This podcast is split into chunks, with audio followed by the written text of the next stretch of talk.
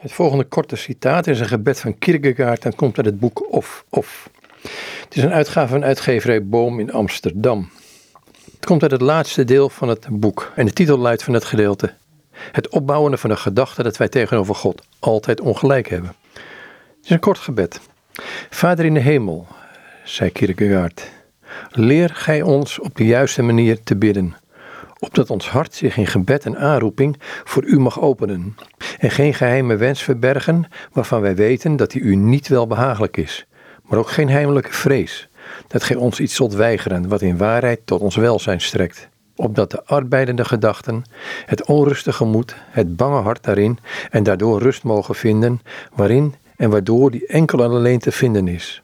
Namelijk dat we u ten alle tijde blijmoedig danken blijmoedig beleidende dat we tegenover u altijd ongelijk hebben. Amen.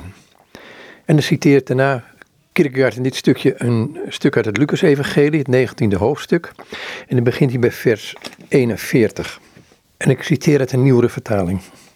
Toen hij Jeruzalem voor zich zag liggen, begon Jezus te huilen over het lot van de stad. Hij zei, had ook jij op deze dag maar geweten wat vrede kan brengen. Maar dat blijft voor je verborgen, ook nu.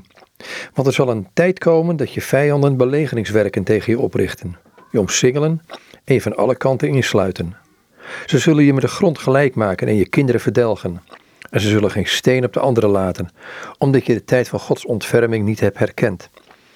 Hij ging naar de tempel, waar hij de handelaars begon weg te jagen, terwijl hij hun toevoegde: Er staat geschreven: Mijn huis moet een huis van gebed zijn. Maar jullie hebben er een rovershol van gemaakt. Dagelijks gaf Jezus onderricht in de tempel. De hoge priesters, de schriftgeleerden en de leiders van het volk wilden hem uit de weg ruimen. Maar ze wisten niet hoe ze dat moesten doen, want het hele volk hing aan zijn lippen. Al dus een klein stukje uit het Lucas-evangelie in de vorige bed van Kierkegaard, komend uit het boek Of Of, geschreven door diezelfde Kierkegaard, in een uitgave van uitgeverij Boom in Amsterdam. De vertalingen en annotaties bij dit werk zijn van Weilen Jan Markwart Scholz.